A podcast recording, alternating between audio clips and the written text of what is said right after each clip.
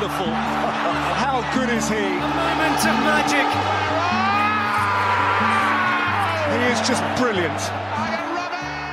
Welkom bij de vijfde aflevering eh, van, ons, eh, van onze Legends eh, teams. Dit keer gaan we Manchester United eh, behandelen. Met speciale hulp eh, eh, van Soedi. Ik ga luisteren en af en toe breek ik in. Jij bent presentator en kenner in één. Het is onze taak om het beste Manchester United van deze eeuw eh, samen te stellen. Dus we mogen alle spelers selecteren van 2000 en later. Laten we beginnen onder de lat. Ik, eh, ik ga voor Van der Sar. Ben je het mee eens? Eh, heb jij een keuze gemaakt tussen, tussen... Heb je een afweging gemaakt die wel, die niet, bijvoorbeeld? Ja. Want wie, wie heb je laten afvallen? ja Schmeichel heeft eh, deze eeuw niet gehaald hè, als United keeper. Nee. keeper. Ehm, ja, de Gea vind ik minder feilloos dan Van der Sar. Nee, ik zou ook Van de Sar nemen. Vanwege de Champions League finale. Mm. Het zijn van breukelmomenten op je dat zelf, hè. Ehm, maar hij is natuurlijk naar Italië gegaan. Compleet mislukt. En bij Fulham weer de keeper geworden die, die, eh, die bij Ajax was. En, en achteraf misschien wel te laat naar Manchester United gekomen. Hè. Dat had misschien een nog interessantere carrière gehad. Je hebt natuurlijk eh Casillas, Mm. eh, Buffon. En hij hoorde wel in dat rijtje thuis. Alleen door die periode Juventus Jaren verspeeld eigenlijk. hij een aantal jaren gespeeld. En Ja. is hij uiteindelijk bij Fulham terechtgekomen. Als je daar nu meer terug, terug op terugkijkt, denk je, Fulham. Ja. Nou was hij wel grandioos trouwens hè, bij Fulham. Eh kreeg je natuurlijk heel veel te doen, pakte hij heel veel ballen. En, eh, en uiteindelijk met Manchester United nog een aantal mooie jaren beleefd. Maakt ook wel een einde aan een ellendige tijd hè, voor United. Qua keepers. Bartes was natuurlijk niet veel. Ja, Ferguson had niet zo'n hele gelukkige hand met het kiezen van keepers. Hè. Eh, De Gea is hij ook nog zelf gaan scouten in Spanje. Ehm, ouderwetse trainer-manager die, die gewoon nog eh, zelf het finale oordeel nam. Of iemand wel of Ja. niet kwam. Nou, op keepersgebied was hij niet zo heel sterk. Maar dit was een hele goede keuze geweest. Edwin van der Sar. Nu naar de eerste verdediger in, in de ploeg. Ik heb gekozen voor Gary Neville. Ja, begrijp ik wel. Ja, toch? Ja, begrijp ik heel goed. Eh, vertel me waarom je gekozen hebt. Daar ben ik wel benieuwd naar. Nou, ik heb zitten denken, ik vond Gary Neville in zijn tijd eigenlijk de meest betrouwbare rechtsback. De meest complete. Hij was al aanvallend, was hij al sterk hè. Hij vormde hem tandem vaak met Beckham. Ging hij vaak al buitenom. Beckham was natuurlijk niet echt een re rechtsmid die heel vaak eh, de achterlijn eh, haalde. Dat was dan aan eh, Neville. En ik, vond Neville als leider, vond ik hem ook wel ontzettend sterk. Hij stond er wel altijd hè. Heel betrouwbaar. Ja, en ik vind ook wel dat we het over Manchester United. ehm, er zijn natuurlijk een aantal jonge jongens samen omhoog gekomen. Mm. 96, en dan richting, eh, uiteindelijk richting de Champions League. En, eh, en hij hoort daar ook bij. Je moet wel, Gary Neville hoort daar wel thuis, vind ik. Eh, je kunt wel een speler nemen die misschien qua talent beter was hè, en die dan inpassen. Ja. Ehm, maar Gary Neville hoort, als je gaat kijken naar 2000, 2020 tot nu, hoort hij daar wel thuis. Echt een icoon van die club. En inderdaad, een van de leiders in de kleedkamer ook. Denk je dat hij in deze tijd, zou het nog een re- rechtsback eh, van wereldklasse zijn? Nu er meer verlangd wordt, voetballen? Ja, het is heel verleidelijk om te zeggen dat nu alles beter is. En dat Trent Alexander-Arnold bijvoorbeeld eh, veel beter is als voetballer. Eh, maar op zijn manier, eh, als opkomende back, was hij ook wel vrij modern. Alleen het was Gary Neville. Ja. Hij zag eruit als Gary Neville. Ja, ja, dus dan heb je misschien, denk je, nou, hij was niet zo goed. Maar ik vond, het, ik vond dat we... En het was een hele vervelende back om als aanval tegen te spelen. Omdat je hem drie keer voorbij moest en dat bleef terugkomen. Eh, hij heeft ook hele slechte wedstrijden gespeeld. Maar eh, ja, toch wel een, eh, ja, meubelstuk van, van Manchester United. En de beste analist van Engeland nu. En een geweldige analist. En je hebt natuurlijk ook eh het Sokkerbox geloof ik, waar je die Mm, voetballers ja. interviewt. Dat is natuurlijk altijd wel leuk. Vind ik, dat is, zitten ze in een bioscoop en dan kijken ze met, met Thierry Henry bijvoorbeeld of met Wayne Rooney. Dat zijn leuke, leuke dingen. En als analist is hij ook, ook ja, zeer goed. Hè, op Monday Night, hè, op Ja, maandagavond. met Kerker. met, met Kerken. Eh, vind ik altijd leuk om aan te kijken. Op via internet kijk ik dan terug. Gary Neville is inderdaad een goede analist geworden. Dat is toch wel knap voor een rechtsback. Zeker. Gaan we door naar nummer 2. Ik heb niet gekozen voor Jaap Stam in het centrum. Oké. Ik ben benieuwd of je het eens bent eh, met eh, mijn eh, twee overgebleven verdedigers. Ja, ik denk dat je... Ja, Ferdinand. en in combinatie met of, of Ferdinand alleen? Nee, Ferdinand in combinatie met de centrumverdediger. We spelen met drie verdedigers. Ik heb een beetje gesmokkeld. Ja, bij Manchester United, je komt wel op een ruim middenveld eh, en een aanval uit. Maar ja, ik vond Ferdinand eh, in zijn tijd, eh, zeker met Vidic, dat kunnen we wel verraden, Vidic Ja. is mijn andere verdediger. Ja, je had echt die driehoek hè, van de Sar, Ferdinand, Vidic. Dat was de basis eigenlijk van die ploeg die, die, Mhm. die, die successen heeft geboekt onder Ferguson. Dat was, ja, als je sowieso de nul houdt of achterin niet zoveel tegenkrijgt, dan is het voor die, al die aanvals die je had een stuk makkelijker om wedstrijden te winnen. Maar Ferdinand was een geweldige verdediger. Atletisch, hè? Eh, atletisch, eh, snel, maar ook voetballend. Vrij goed, Ja. eh, opbouwend, kopsterk en persoonlijkheid. Ja, geweldige verdediger. Beetje een laadbloeier of niet? Zag jij hem meteen hem? Bij West Ham kwam je natuurlijk door. Nou, als talent was hij ook al, ook al wel, wel goed. Nee, dat is, dit is, dit is, nee, ik vind het geen laadbloeier. Vidic. En dat is misschien wel een van de beste aankopen geweest in het Ferguson-tijdperk. En vrij- tijdperk was vrij lang. Maar Nemanja Vidic, eh, een van de ontbre- ontbrekende puzzelstukjes hè, achterin, dat maakte die verdediging met Ferdinand wel compleet. Als wel meedogenloos, hè? Ja, hard. Hard, met, ja, meedogenloos, maar ook iemand wel met inzicht. En in zijn Man United jaren eh, een van de betere ter wereld. Alleen als je nu gaat terugkijken en je, gaat over, je hebt het over de beste verdedigers ter wereld. Er zijn nog niet veel mensen zijn die Vidic opnoemen. Nee, een beetje Daarom- vergeten, hè? En Jaap Stam, maar het is misschien ook omdat we Nederlanders Ja. zijn en terugkijken. Zou, ja, ik zou misschien eerder Jaap Stam er neerzetten. Dus daar misschien ben ik een klein beetje met je oneens. Maar Ja. het gaat natuurlijk om die twee samen waren echt geweldig, Fernand en Vidic. Die vulden elkaar ook aan. Hè, dat is, heb je achterin ook nodig. Ja, ontzettend gewaardeerd ook, hè, door Ferguson. Daar ging bij, bij Stam natuurlijk eh, mis. Ja, die heeft een boek, een boek geschreven. eh, ook wel voor mensen die thuis zitten en niks doen hebben. Ja. Dat boek kun je wel lezen. Maar Ferguson was wel hard. Eh, als het eenmaal gedaan was, klaar. Ja, Van Nistelrooy heeft het ook meegemaakt. Misschien komen we nog op Van Ja. Nistelrooy. Die, die wilde graag topscorer worden. Mhm. En, en de laatste vier wedstrijden van het seizoen zat hij gewoon op de bank. En kon hij geen topscorer worden. Het jaar daarna werd hij wel topscorer. Maar eh, ja, eh, Stam heeft ook zoiets meegemaakt. Het was gewoon ineens over. Bam. Ja, geweldige trainer geweest, maar hij heeft ook een aantal fouten gemaakt. ja, sowieso bij Manchester United, daar waren ze wel van, hè? Het, het hard eh, buiten duwen van Ja, het- kijk, de kunst van een, een, bij een topclub zo lang volhouden, 25 jaar, 27 Ja. jaar, zoals Ferguson, is op tijd, op tijd doorselecteren. En dat, Ja. dat is, dat is het allermoeilijkste wat er is in de sport.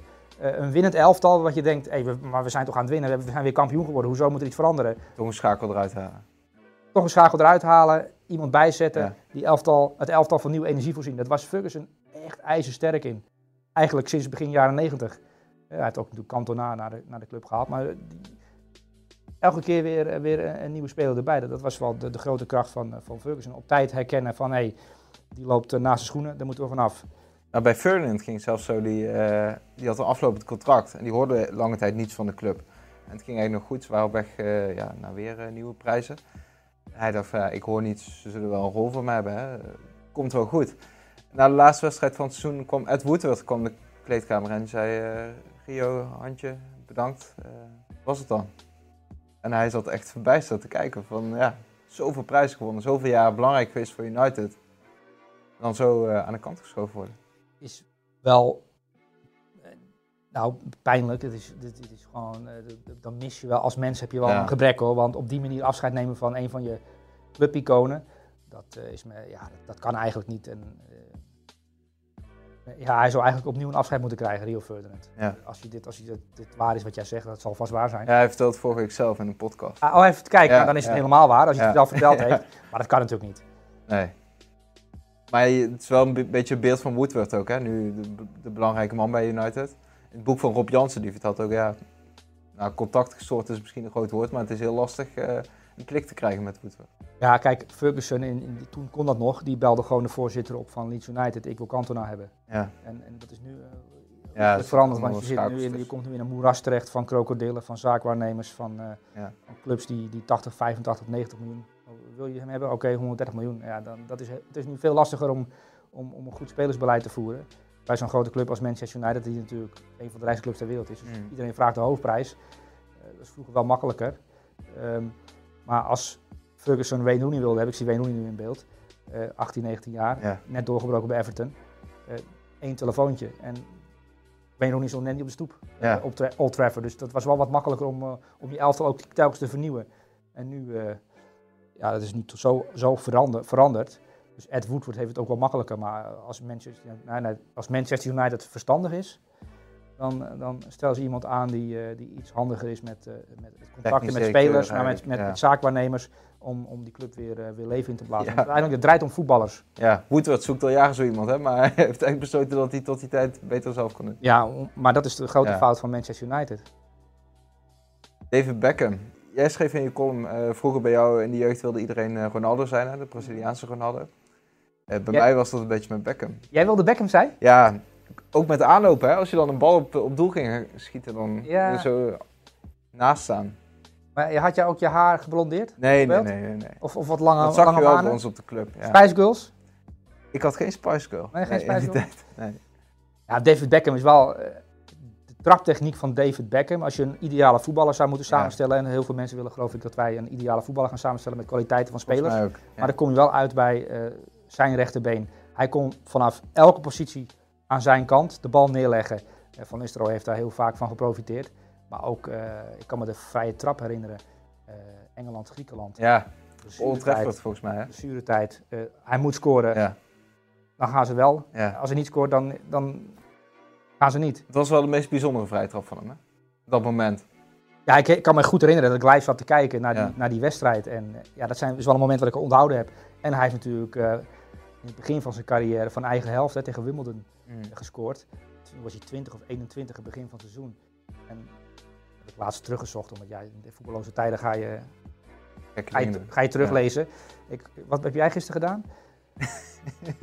nee, je hebt iets gedaan, heb je mij verteld. Ja. Maar ik ben het weer vergeten, maar ik vond het zo grappig. Oh, je bent een appeltaart gaan bakken, geloof ik, hè? Ja, ik, ik heb je dit voor de uitzending verteld. Ja. Ja. ik heb een appeltaart gebakken, ja. Je gaat dus gekke dingen doen. Ja, maar Ik ging dus opzoeken David Beckham.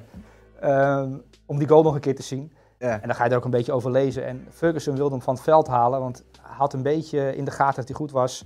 Mm. Eh, en, en, en Ferguson wilde gewoon jo- jonge jongens die, die wat arrogant werden, die wilde hij klein houden. ja. Dus Beckham wilde hij van het veld halen, want hij had namelijk 10 minuten voor zijn wereldgoal al een keer van eigen helft op doel, doel geschoten. Mm.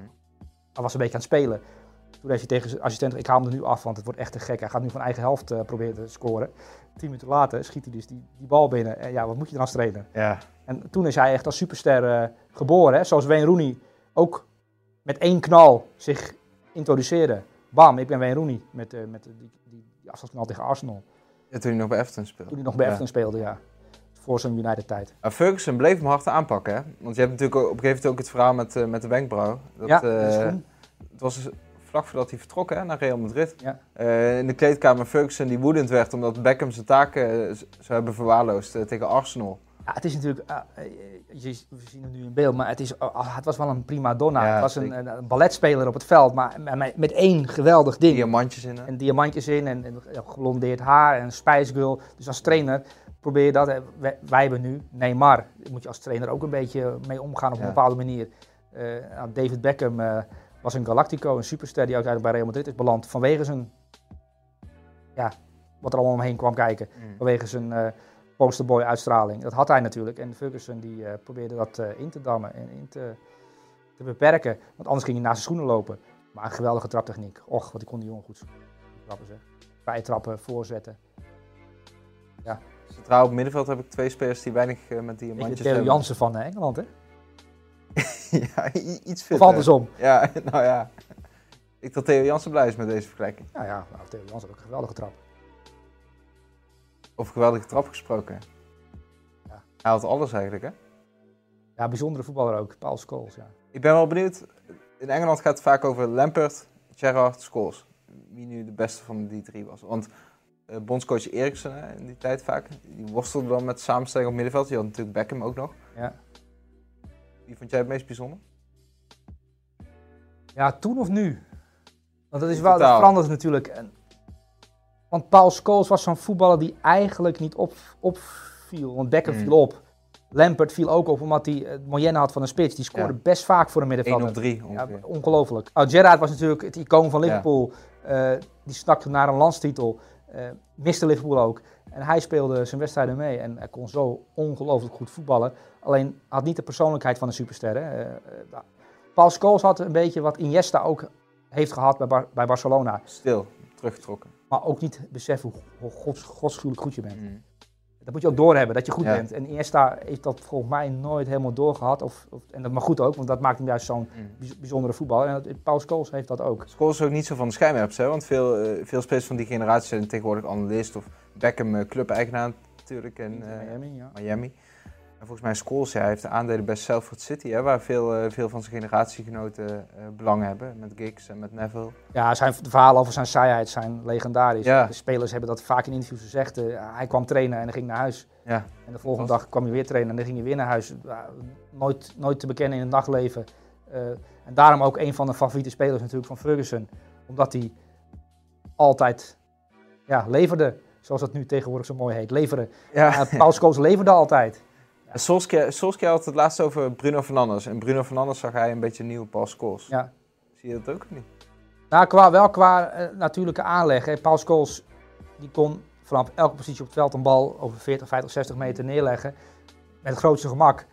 Ehm, Paul Pogba laat daarna ook wel, hey, als Paul Pogba zo'n bal geeft, dan gaat hij nog net niet voor zichzelf applaudisseren. Ja, precies. En dat heeft hij helemaal niet. Het is vanzelfsprekend. En, Hij, hij, hij wordt ook met de tijd beter. Als je terug gaat kijken, was voor die Paul Scholes eigenlijk goed. En dat zal voor Iniesta natuurlijk ook gelden. Want het gaat, het Iniesta heeft natuurlijk met Messi te maken gehad. Dus Messi overvleugelde alles in, in, in zijn topjaren. Maar als je gaat terugkijken naar de EK, WK en eh, dan weer een EK. Het aantal eh, man van de wedstrijd vertoningen van Iniesta op grote toernooien. Ja. Bijna elke wedstrijd man van de wedstrijd. Eh, hij op de achtergrond bij Manchester, Manchester United heeft echt geweldige wedstrijden gespeeld. Maar er was er altijd wel een spits die twee keer scoorde of, of Ja, meer precies. opviel. Hij was een jongen voor op de achtergrond die, die op het middenveld eh, voor, eh, ja, die- die, het zorgde dat, dat ze op het middenveld dominant waren. En die aanspeelbaar was voor zijn verdedigers. Die, die de bal altijd naar de juiste medespeler paaste. Ja, cruciaal voor, voor Manchester United in de grote jaren. Gaan we nu naar de middenvelder die de bal vaak moest inleveren bij Scholes. Ah ja, Roy Keane. Roy Keane. Ik moet altijd denken aan het moment eh, in de spelerstunnel op Highbury met eh Vieira. Dat ze elkaar al staan uit te schelden.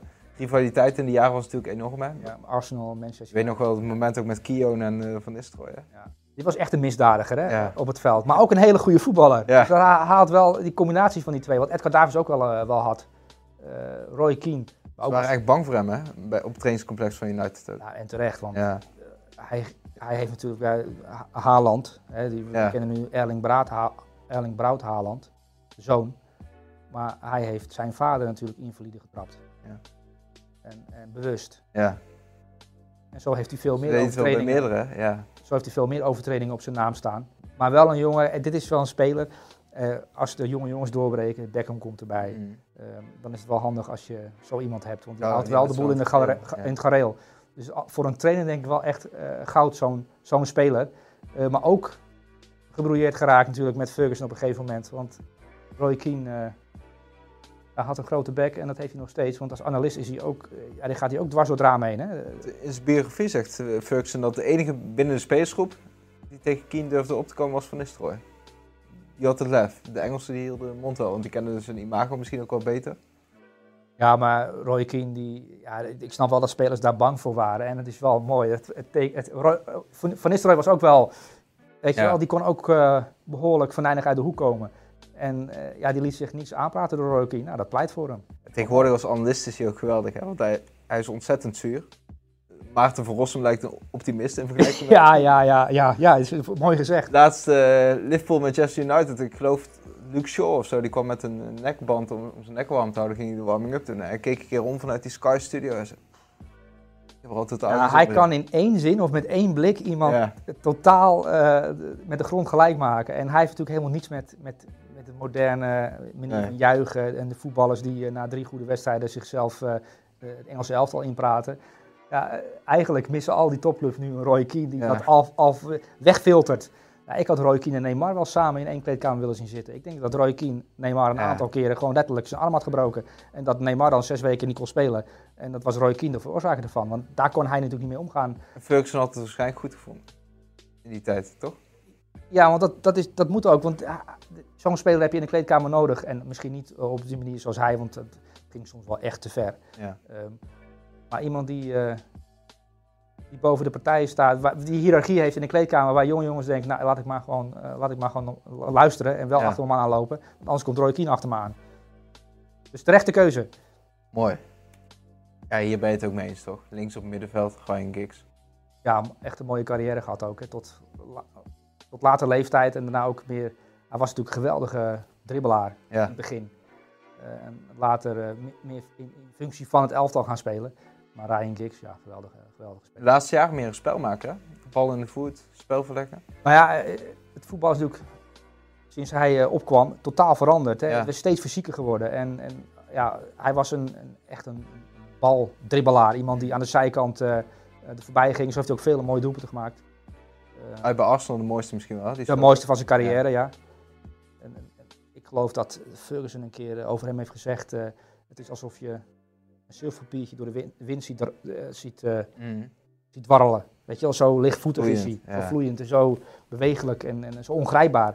Ehm, en later inderdaad op het middenveld als een soort eh spelmaker. Iemand, maar in ieder geval veel minder meters moeten Ja. maken, want dat kon je niet meer aan het lichaam. Want dat is 38 inmiddels.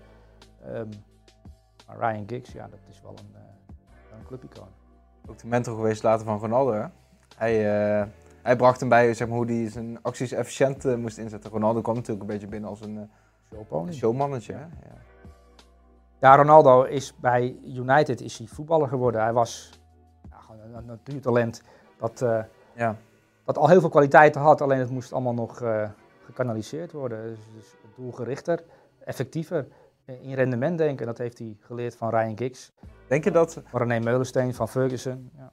Hij kwam natuurlijk in een krachtige kleedkamer binnen, met Ferdinand, Giggs, eh, dat soort figuren. Denk je dat bij Ronaldo bij een andere club de knop ook zo snel was omgegaan? Of heeft hij het wel echt getroffen met deze persoonlijkheden om heen? Nou, ik denk dat een carrière voor een deel wordt bepaald door dat soort omstandigheden. Eh, bij welke club kom je terecht, met wie kom je daar terecht en hoeveel vrijheid krijg je eh, om jezelf te zijn. Ja. Maar hoeveel vrijheid krijg je ook om niet tegen een muur aan te botsen, om, omdat je ja, iets te veel jezelf bent gebleven, waardoor je niet eh, het ultieme kon bereiken. Kijk, Ronaldo was een dribbelaar, iemand die, die natuurlijk tegen Manchester United speelde Ja, eh, met Sporting. voorbereidingswedstrijd. En daar een back helemaal zoek speelde. Gewoon op basis van talent. Dat was gewoon een, Ja, heel groot talent. Heeft daar uiteindelijk zijn eerste gouden bal ook gewonnen. Ja. Hij is daarna eh, pas naar Real Madrid vertrokken. Hij is bij Manchester United eh, een volwassen pro- profvoetballer geworden. Mhm. En dat heeft mede te danken aan eh, ja, dat hij voor de juiste club heeft gekozen. Dat is heel belangrijk. Er zijn heel veel voorbeelden van spelers aan te halen eh, die als talent doorbreken. Die dan, weet ik veel, voor Chelsea kiezen of voor Real Madrid. Ja. En waarvan we dan eh, weinig meer horen. Of dat ze uiteindelijk vier, vijf, zes jaar later via een omweg nog een beetje hun potentieel waarmaken. Maar niet helemaal het potentieel wat er als 17, 18-jarige in zat. Ik weet bij Ronaldo op een gegeven moment kwam BB, kwam nog, hè? eh, die Portugese dribbelaar. Die, die speelde laat, later bij dat, BB, ja. Dat, kwam er ook nooit helemaal uit, hè? nou, er was, de BB was een soort, BB was een soort wereldwonder uit Ja, Portugal. Maar dat die was van de straat geplukt. was Ja. een soort zwerver. Ja, Die kwam uit de Portugese derde divisie. En dat was een nieuw wereldwonder, een nieuwe Ronaldo. Dat is niet helemaal uitgekomen, BB. Nee. iemand die wel zijn potentie eh, heeft benut. Wayne Rooney. Het mooie aan Wayne Rooney vond ik, toen hij bij Manchester United kwam, was het echt nog een kind, hè? Waanzinnig goed. Als jongen ook, toen hij bij Everton al een goal maakte tegen Arsenal, een waanzinnige goal. En de ster was bij Match of Today, stond hij vaak na de, op de avond van de wedstrijd. Daarna stond hij gewoon nog op de parkeerplaats om de hoek te voetballen. Ja, hij, hij komt natuurlijk eh, uit Liverpool, dus Everton. Daar brak hij onder mooiers Ja, door. Ja. En als 16-jarige, dat zie je niet vaak, dat een 16-jarige zo'n impact heeft. hij was ook onbevangen, hè? Maar ook zijn debuutwedstrijd drie keer scoren. Hè? Ja, Ik denk Fenerbahce, Champions League. Dat hij debuteerde voor Manchester United, dat hij meteen drie, drie, drie maakte. Ehm, maar eh, ja, een tiener, een, een jochie dat, eh, dat er meteen stond. Maar als je zijn fysiek ook zag, hij, brak dan wel door als 16-jarige. ja. Maar het was wel, Sterk, het was wel sterk Ja. en dan komt ook aan de familie van boxers. Wel een bijzondere carrière. En als je gaat terugkijken, op, hij is natuurlijk topscorer alle tijden. Hè, het Mm. record van Bobby Charlton verbroken, dat al best bijzonder is. En hij voetbalt nog steeds. Eh, echt een straatvoetballer. Gewoon een jongen die op straat eh, voetbalde en eh, voor zijn plezier. En dat nooit helemaal verloren is, want hij hield ook van, van, van, ja, van zuipen, van drinken. Ehm, ja de tabloids schreef hij gretig mee, hè? En, en, de tabloids, die, daar stond hij vaak op, om verkeerde redenen. Dan stond hij weer, was hij weer gefotografeerd, pissend, 's s'nachts om half vijf ergens tegen een muurtje. Geweldige speler. Ja, die, en ook een vreemde carrière. Hè? Want hoe, kan maar, heet hij onder Van Gaal is hij ook Ja, middenvelder geweest. Hè? Centrale middenvelder. En dat deed hij eigenlijk ook best wel goed. Ja, klopt. Ja. Want het- Vergaal had uh, rare gewoonte, vond ik bij Manchester United, dat hij veel spelers op eh, rare posities ging gebruiken. hè. Spitsen zet hij op het middenveld, andersom. Ja, maar hij was wel zijn scherpte kwijt voor de goal. Hè?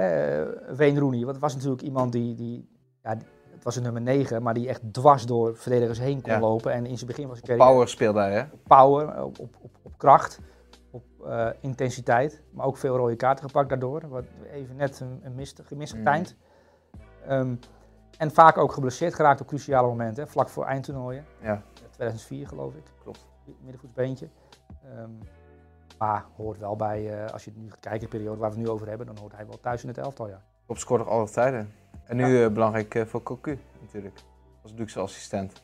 Als luxe assistent, mentor van de spelers. Ja. Mooie speler. Zou je hem nog ooit terugzien bij United als trainer? Denk je dat er een trainer in Rooney schuilt? Nou, toen hij net doorbrak, eh, kwam hij voor de camera. Ehm, en hij kon niet praten. Nee. Letterlijk niet. Ja. Dus gewoon iemand die niet zo goed kon praten. En dan is het wel, dan, is je- dan kom je best wel van ver als je trainer wil worden. Ja. Je moet gewoon best wel voor een groep kunnen spreken. Je moet je ideeën kunnen overbrengen. En ik heb in Wayne Rooney nooit een trainer gezien. Ik weet niet of jij ooit in hem en Nee, bij sommige spelers zie je het wel. Michael Kerk is nu bijvoorbeeld assistent bij Manchester United. Dat zag je wel een beetje toen hij al speelde. Die, die had overzicht, die had rust. Ja, verdedigende middenvelders he- hebben altijd eh, Wel inzicht, hè? wel inzicht, Die- maar dit- ja. dat zijn ook vaak, die worden ook vaak trainers. Xabi Alonso wordt ook een goede trainer. Ja, Guardiola is er een voorbeeld van. Jurgen Klopp was centrale verdediger, wel op een veel minder niveau. Eh, maar Wayne Rooney en het trainerschap zie ik niet 1, 2, 3. Maar wie weet weet hij ons te verrassen. En wie weet kan Philip Cocu het zodanig goed op hem overbrengen dat, eh, dat de toptrainer in Wayne Rooney nog wakker wordt. Maar het is wel een liefhebber. Ik bedoel, anders ga je niet bij Derby County nog voetballen. Gaan we door naar de spits. Een Nederlander. Van de Man. Ruud van Nistelrooy. ja. Was die goed hè, bij Manchester United. Ik weet nog, hij nam natuurlijk alle strafschoppen in die tijd. En iedereen wist waar die bal zou eindigen. Links onder in de hoek. Alle keepers wisten het. Maar het was zo precies en zo hard. Geen enkele twijfel. De bal ging er altijd in.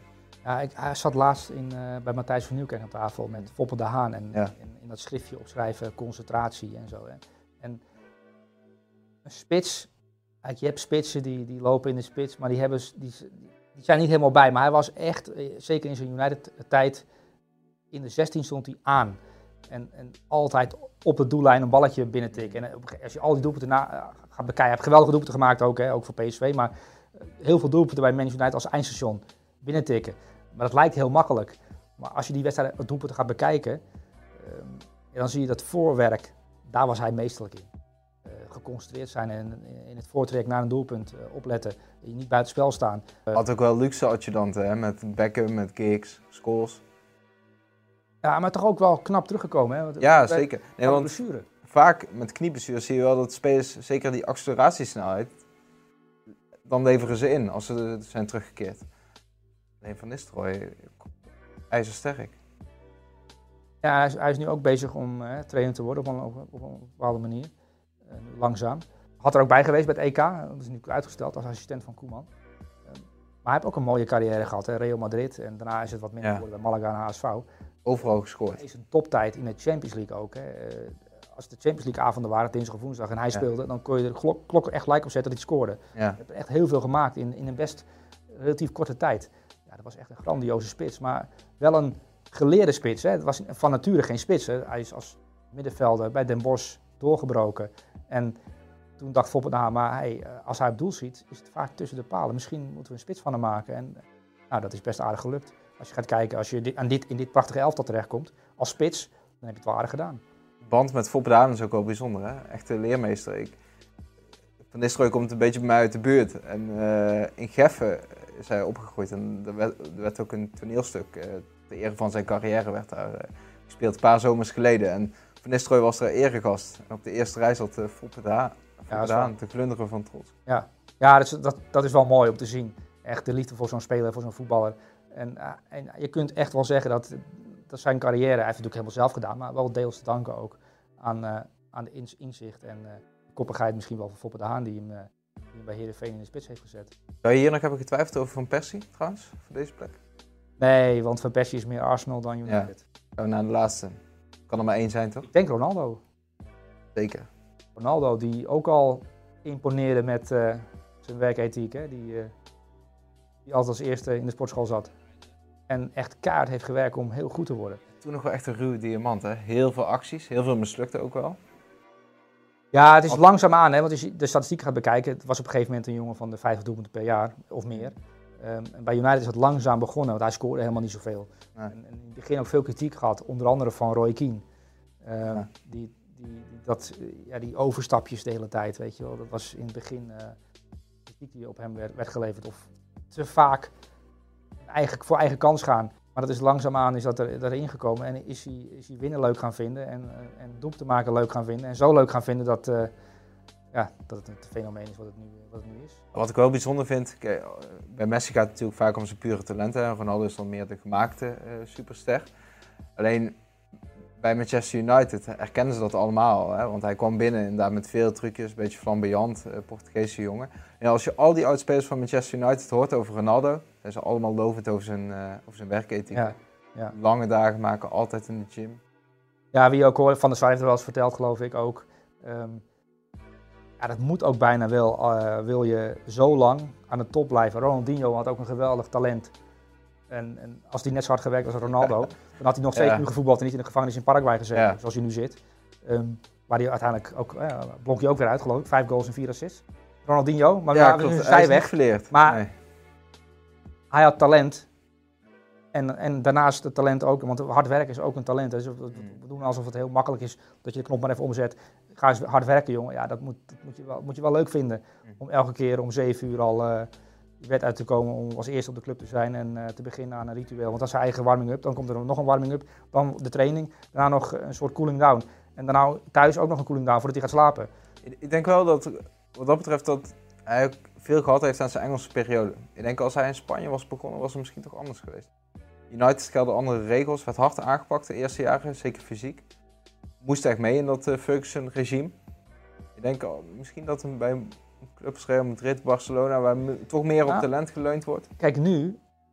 Kijk, hij is via United doorgebroken en voetballer geworden die hij is. Maar nu zie je, bij United heeft. Of eh, Real Madrid heeft zoveel spelers van 16, 17, 18 jaar vastgelegd. Die allemaal op zijn manier ook als talent indruk Ja. gemaakt hebben. Ehm, maar het is nogal wat om bij, nu bij Real Madrid binnen te komen. Vinicius Junior bijvoorbeeld. Ja, als, die, als je de, de tijd terug zou draaien en je zou Vinicius Junior in handen geven van Ferguson en die spelers en in die kleedkamer. Ja, dan zou hij een totaal andere voetballer misschien wel worden dan hij nu gaat worden bij Real Madrid. Eh, dat heb je wel gelijk in. Ja. Dus Ronaldo heeft heel veel gehad aan dat traject via Engeland. Dat ben ik wel met je eens. Je spelers, ja, talenten kun je ook wel echt vormen. Ja, ja, natuurlijk. 30, 40 procent. Dat is, dat is echt wel kneedbaar. Ja, maar je moet ook wel zelf iets doen met wat een trainer je aanreikt. Eh, maar, in de kleedkamer waarin je terechtkomt, eh of sportklimaat, Ja, weet wel, ja, is wel belangrijk. het was hem. Dit was hem. Ja. Wonderful, wonderful, wonderful. How good is he? A moment of magic. Is just brilliant.